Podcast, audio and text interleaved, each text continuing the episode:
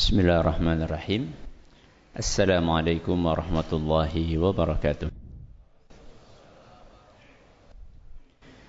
الحمد لله رب العالمين والعاقبة للمتقين ولا عدوان إلا على الظالمين وصلى الله على نبينا وسيدنا محمد وعلى آله وصحبه أجمعين أما بعد Kita panjatkan puja dan syukur kehadirat Allah Subhanahu wa taala. Pada kesempatan malam yang berbahagia kali ini tanggal 12 Rabiul Awal 1441 Hijriah atau yang bertepatan dengan tanggal 8 November 2019 kita masih kembali diberi kekuatan, kesehatan, hidayah serta taufik dari Allah Jalla wa'ala. Sehingga kita bisa kembali menghadiri pengajian rutin adab dan akhlak di dalam Islam di Masjid Jenderal Besar Sudirman di kota Purwokerto ini.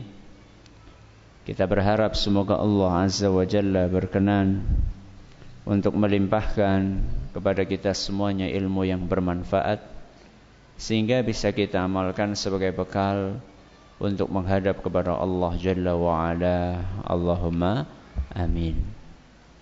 Salawat dan salam semoga senantiasa tercurahkan kepada junjungan kita Nabi Agung Muhammad sallallahu alaihi wasallam kepada keluarganya, sahabatnya dan umatnya yang setia mengikuti tuntunannya hingga akhir nanti.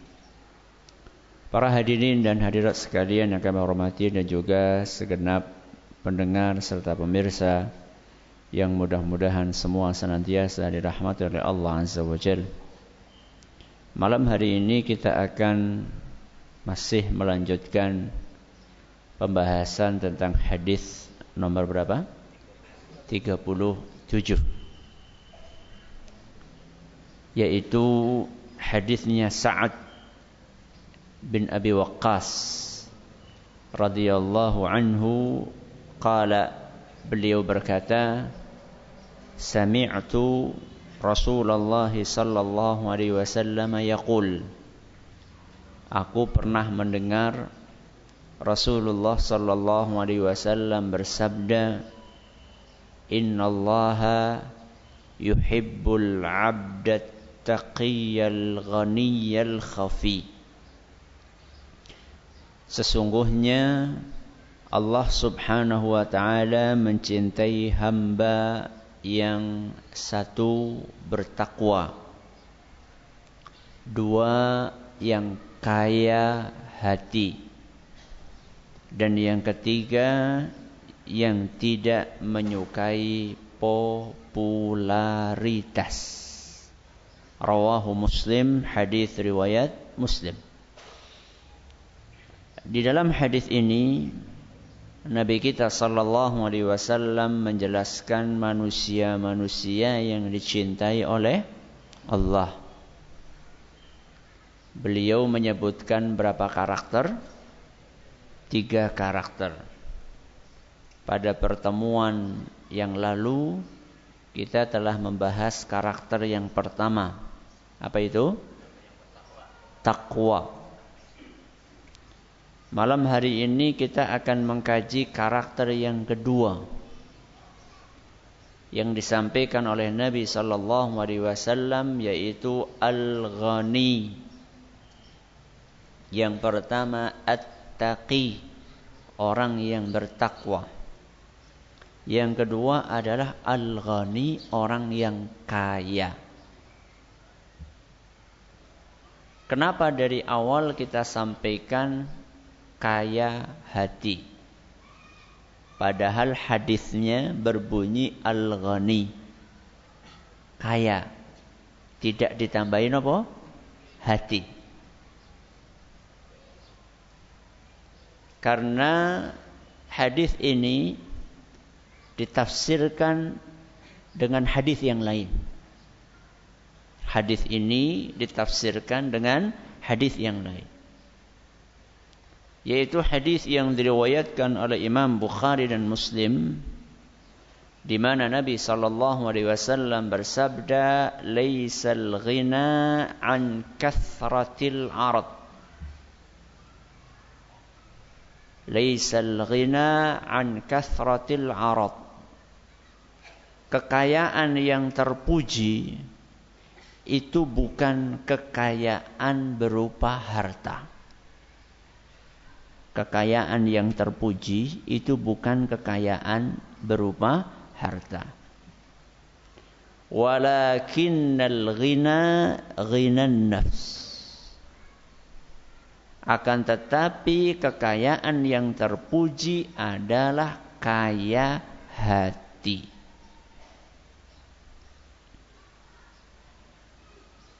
Berarti kekayaan yang dimaksud dalam hadis yang sedang kita pelajari, karakter yang kedua adalah bukan sekedar kaya. Tapi kaya nopo? Hati. Kenapa harus ditafsirkan demikian?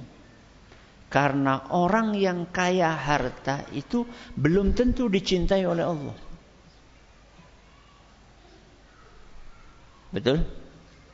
Karena ada orang yang kaya harta tapi tidak bertakwa.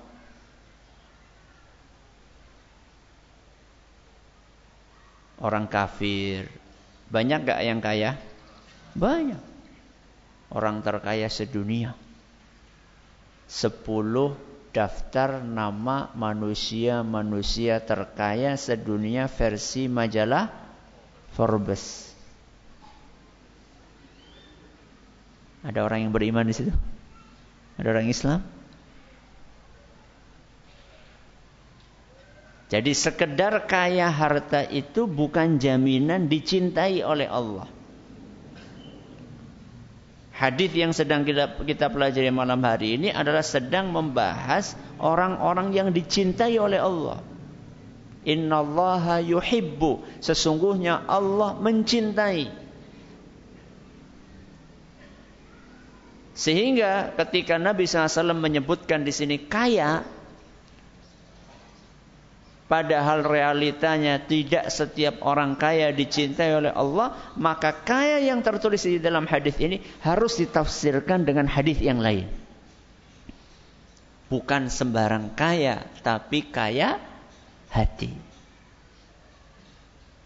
Kaya hati mungkin nggak plus kaya harta? Mungkin. Tapi tidak selalu harus kaya harta. Nanti kita akan bahas di akhir kajian. Makanya para ulama kita seperti Imam Nawawi, Imam As-Sun'ani, Imam At-Tibi, rahimahumullah, ketika beliau sampai ke hadis yang kita pelajari malam hari ini, hadisnya Sa'ad bin Abi Waqqas, ketika mereka menafsirkan al-ghina, kata mereka ai ghina nafs yang dimaksud dengan kaya di dalam hadis ini adalah kaya hati. Kaya hati itu bahasa lainnya adalah nopo? Qanaah. Bahasa lainnya kaya hati ini nopo? Qanaah. Orang Jawa mengatakan apa? Nerimo ing pandum. Pandum itu pembagian, pemberian. Pemberiannya siapa? Allah. Berapapun yang diberikan oleh Allah diterima dengan hati yang lapang. Rezekinya lancar ya alhamdulillah rezekine seret ya. Alhamdulillah juga. Masya Allah Alhamdulillahi ala kulli hal. Kenapa? Alhamdulillah ala kulli hal. Alhamdulillah juga. Cuman ada tambahannya ala kulli hal ala kulli hal itu artinya kondisi apa pun. segala puji bagi Allah kondisi apa pun yang kita alami. Jadi nek biasane rizki jenengan lancar, yo alhamdulillah pas seret nggih alhamdulillah ala kulli hal. Dengan berbekal konaah ini Orang yang penghasilannya 20 ribu bisa lebih kaya dibandingkan orang yang penghasilannya 20 juta per bulan. Orang yang penghasilannya 20 ribu bisa lebih kaya dibandingkan orang yang penghasilannya 20 juta. Kenapa kok bisa demikian? Ada orang penghasilannya per hari 20 ribu? Ada? Yang 5 ribu aja ada kok. Gak kebayang ya. Tukang beca. Sebagian dari mereka nggak narik dalam sehari. Sekali narik bayar kurpira mangewu. Lima ribu. Jinyang maning. Lima ribu. Makanya tadi saya pakai angka 20 ribu itu sudah mending.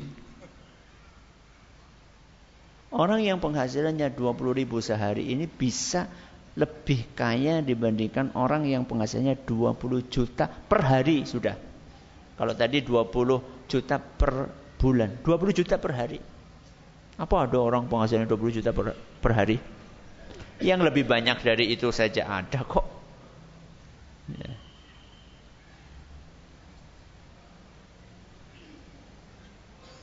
Kenapa kok bisa demikian Ustaz? Masa 20 ribu lebih kaya dibandingkan yang 20 juta? Karena yang 20 ribu itu merasa cukup. Dengan Allah berikan segitu. Sedangkan yang 20 juta selalu merasa kurang. Berarti dia orang kekurangan. Sedangkan yang 20 ribu orang yang berkecukupan. Sugihndi. Berkecukupan, berkecukupan atau yang kekurangan? Yang berkecukupan. Ustaz, 20 ribu masa cukup Ustaz? Cukup? Kok jenengan manjan gede-gede Cukup 20 ribu? Ya cukup menderita Ustaz. Jerene kae. yeah. Cukup kalau diberkahi oleh Allah Azza wa Jalla. Kalau diberkahi oleh Allah Azza wa Jalla. Iya, anaknya lima masa cukup Ustaz 20 ribu.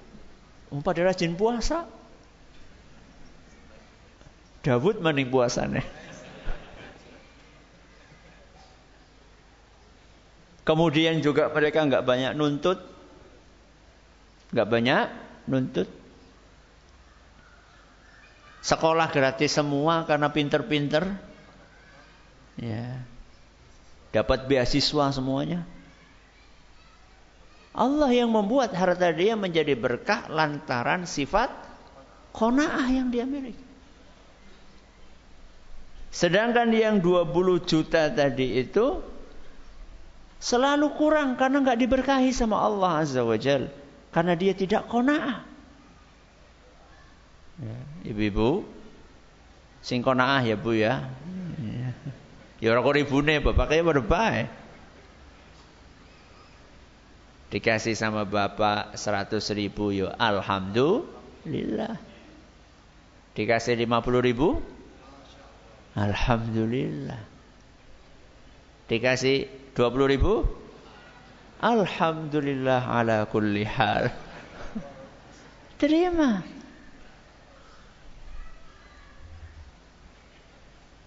Kalau memang dapatnya cuma se Segitu. Ya mau diapain? Enggak nih bapaknya diperes maning apa orang metu? Orang metu apa-apa nih? Ngapain diperes? Mau memang keluarnya cuma segitu kok. Sudah diterima. Bahagia. Ya.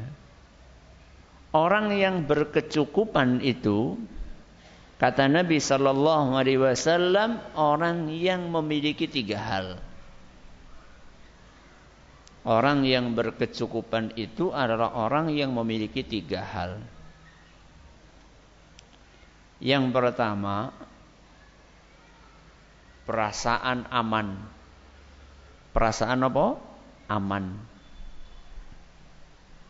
Yang kedua, sehat. Apa? Sehat tubuhnya. Yang ketiga, punya makanan untuk hari itu. Enggak neko-neko, punya makanan untuk hari itu. Bisa mangan hari itu. Apa kata Rasul SAW? Dalam sebuah hadis yang diriwayatkan oleh Imam At-Tirmidzi. Dan hadis ini dinyatakan hasan oleh Syekh Al-Albani. Man asbaha minkum aminan fi sirbihi Barang siapa di antara kalian merasa aman di rumahnya. Ini yang pertama. Merasa apa? Aman. Mu'afan fi jasadihi. Tubuhnya sehat. Ini berapa? Dua. Indahu qutu yaumih. Dia punya makan untuk hari itu. Bukan untuk setahun yang akan datang. Untuk hari itu saja. Faka'annama hizat lahud dunia. Maka seakan-akan orang yang punya tiga hal ini, dia telah memiliki dunia seisinya. Kenapa? Dunia seisinya. Yang pertama, aman. Yang kedua, sehat. Yang ketiga, bisa makan hari itu. Karena dunia kita kejar itu yang kita cari tiga itu.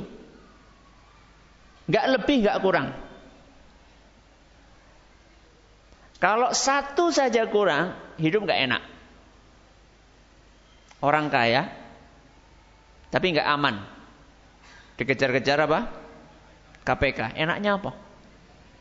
Duit banyak tapi dikejar-kejar KPK nggak aman. Tanya sama mereka, nikmatnya apa hidup dikejar-kejar apa? KPK, Interpol lagi. Ya, kabur, pindah-pindah hidupnya, apa enaknya? Ya. Kaya tapi tidak aman. Atau ada sebagian orang, masya Allah, ya. punya duit yang banyak tapi gak sehat. Apa peroleh? Apa-apa? Roli. Akhirnya mau restoran dia ini banyu bening. Bismillah. Lebih sehat.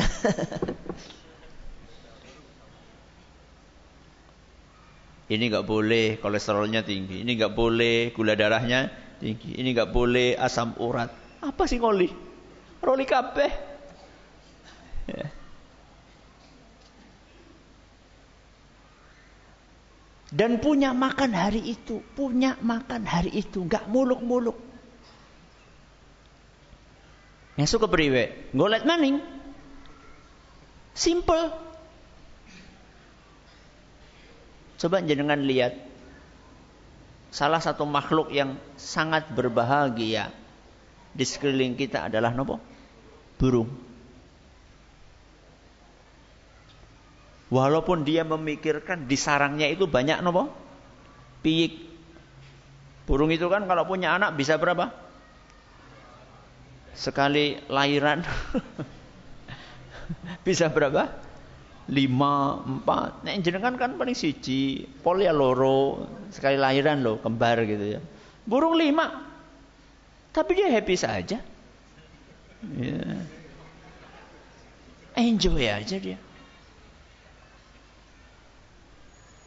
Karena dia cukup memikirkan hari itu saja sudah. Ya. Gak pernah tau ngelihat ada burung kendat? Gak pernah tau? Gak pernah. Mana ada burung gantung diri? Gak pernah. Happy dia hidupnya. Dia cukup pagi hari keluar dalam keadaan perut nopo kosong, ngode, ya, cari nafkah di luar. Bolak-balik pulang, kasih makan anaknya, bolak-balik pulang, kasih makan anaknya. Dia sendiri ketika sore pulang sudah teliewis, kebek, ya, sudah penuh. Dan juga nggak pernah kita ngelihat burung bali-bali gawa kresek, gue seminggu, nggak pernah. Makanya hidupnya nyaman. Ya. Kita ini nggak nyaman kadang-kadang hidup kita karena kita itu terlalu panjang angan-angan. Ya. Nembe nikah ya, nembe nikah. Ngonek anak kuliah sih duitnya kangen di. Anak kuliah. Apa wis temenan Arab dua anak apa? Subhanallah, hadapi apa yang ada di hadapan kita. Ya.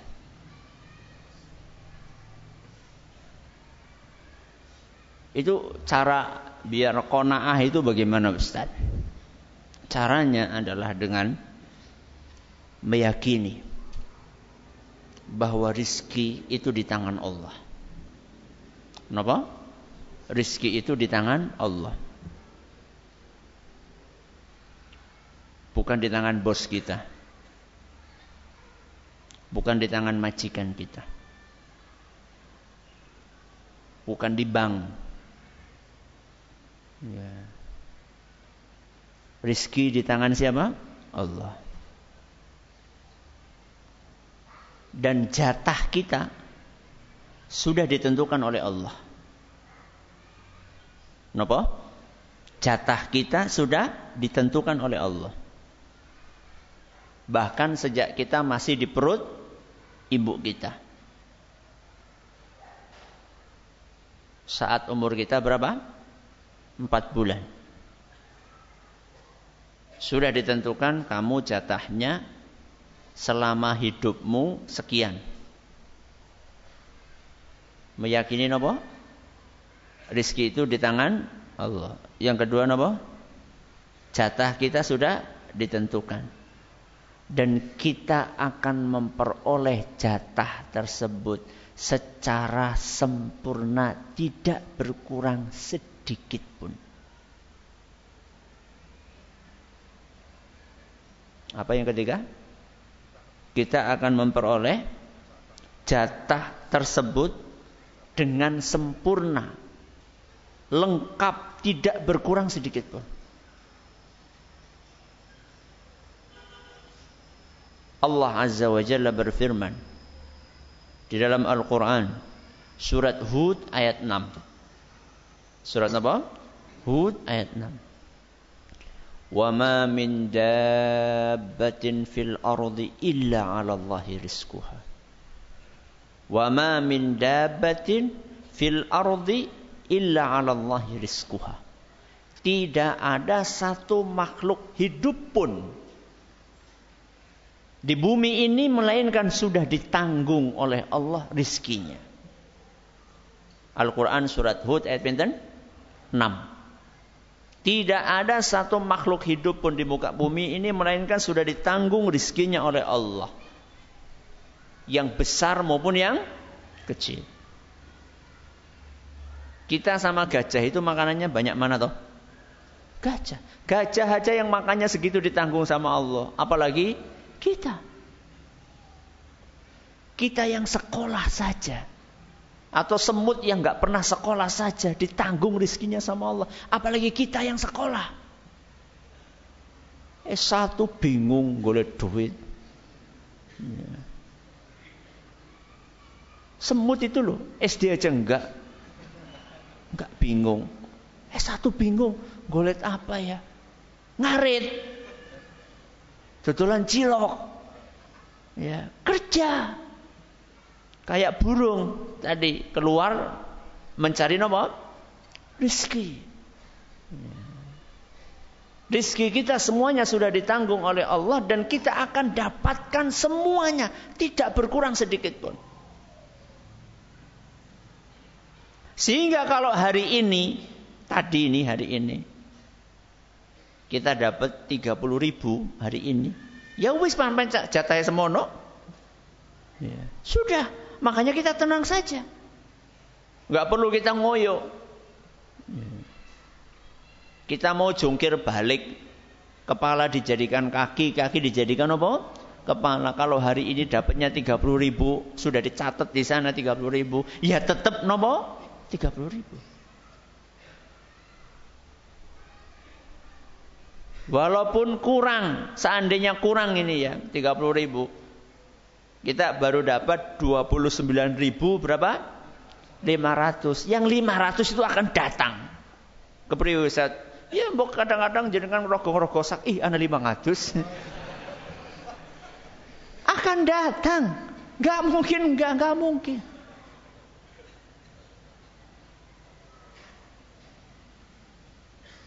Rizki itu tahu alamat kita. Jadi nggak usah bingung kita. Tahu alamat kita akan datang kepada kita. Ya. Pernah suatu saat ada seorang ulama sedang makan. Tahu-tahu datang kucing, ngeong, ngeong, ngeong.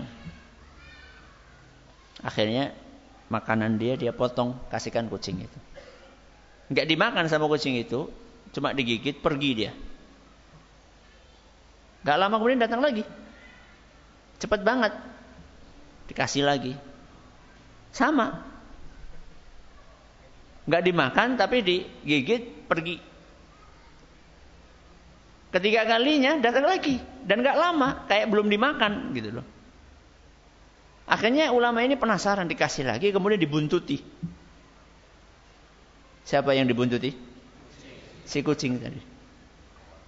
Ternyata apa? Kucing itu lompat masuk ke tembok, eh, lompat tembok masuk ke sebuah kebun. Diikuti sama ulama tersebut. Ternyata apa di dalam kebun itu ada kucing lain yang buta dan lumpuh. Buta dan lumpuh. Buta dan lumpuh kan nggak bisa nyari makan toh. Allah gerakkan hati kucing yang lain yang mungkin tidak ada hubungan kerabat apa-apa sama kucing tersebut yang buta Allah gerakkan hatinya untuk mencarikan makanan buat dia rizkinya. Jadi kenapa kita mesti stres? Susah digawe dewek. Ya. Berarti kita orang kerja, kerja. Tapi berapapun yang kita dapatkan, terima. Syukuri maka kita akan terasa lapang hidup kita. Dan indahnya nanti akan ditambah sama Allah Azza wa Jalla. La in syakartum la azidannakum. Seandainya kalian bersyukur niscaya aku akan tambah rizki kalian. Wala in kafartum inna azabi lasyadid. Seandainya kalian kufur tidak mau bersyukur, ingat azabku itu sangat pedih. Ya. Jadi gimana cari cara membangun sifat kona'ah napa? Napa? Meyakini bahwa rizki itu di tangan Allah. Yang kedua napa? Jatah rizki kita itu sudah ditentukan oleh Allah. Yang ketiga, kita akan mendapatkan jatah tersebut secara sempurna.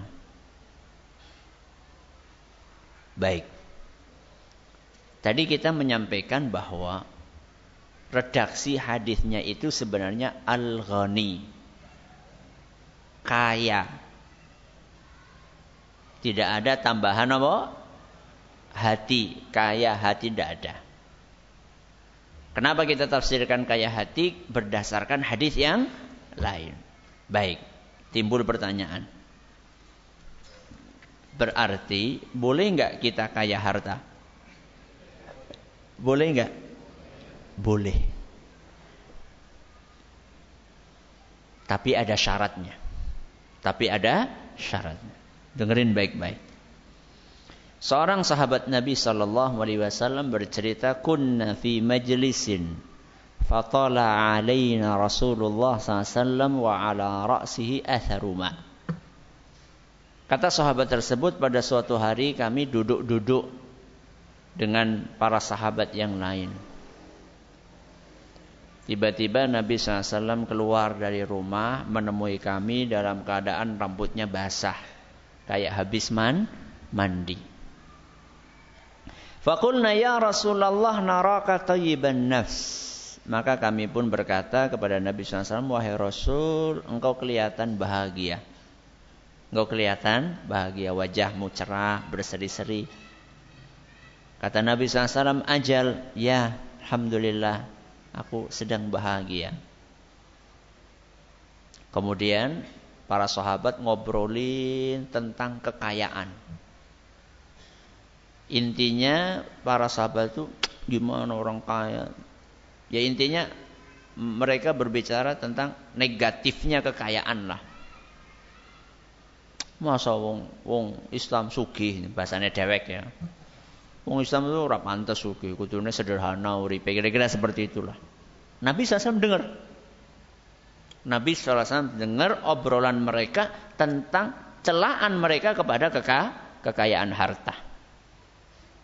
Maka Nabi SAW pun berkomentar. Apa kata beliau? La ba'sa bil ghina. Kaya itu tidak apa-apa. Nabi ingin meluruskan apa? Persepsi negatif tentang kekayaan. La ba'sa bil ghina. Kaya itu ndak apa-apa. Limanit taqa. Sing penting takwa. Udah gue sing angel gue. Takwa itu gimana Ustaz? Takwa itu nyari hartanya benar, mengalokasikannya juga benar we takwa.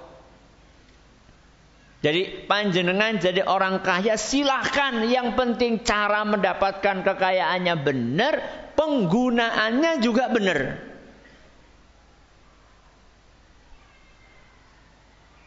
Nyarinya benar berarti harus peduli halal haram. Menggunakannya benar juga sama. Dapatnya halal, keluarnya juga harus di jalan yang halal. Kemudian Nabi SAW melanjutkan. Wasihhatu liman ittaqallaha khairum minal ghina. Khairum minal ghina. Dan kesehatan fisik bagi orang yang bertakwa itu lebih istimewa daripada kekayaan. Ya syukur-syukur ya sehat ya suki. Tapi nek kon milih ya nek kon milih utulorone milih salah siji. Takwa sehat apa takwa kaya? Ya, takwa sehat.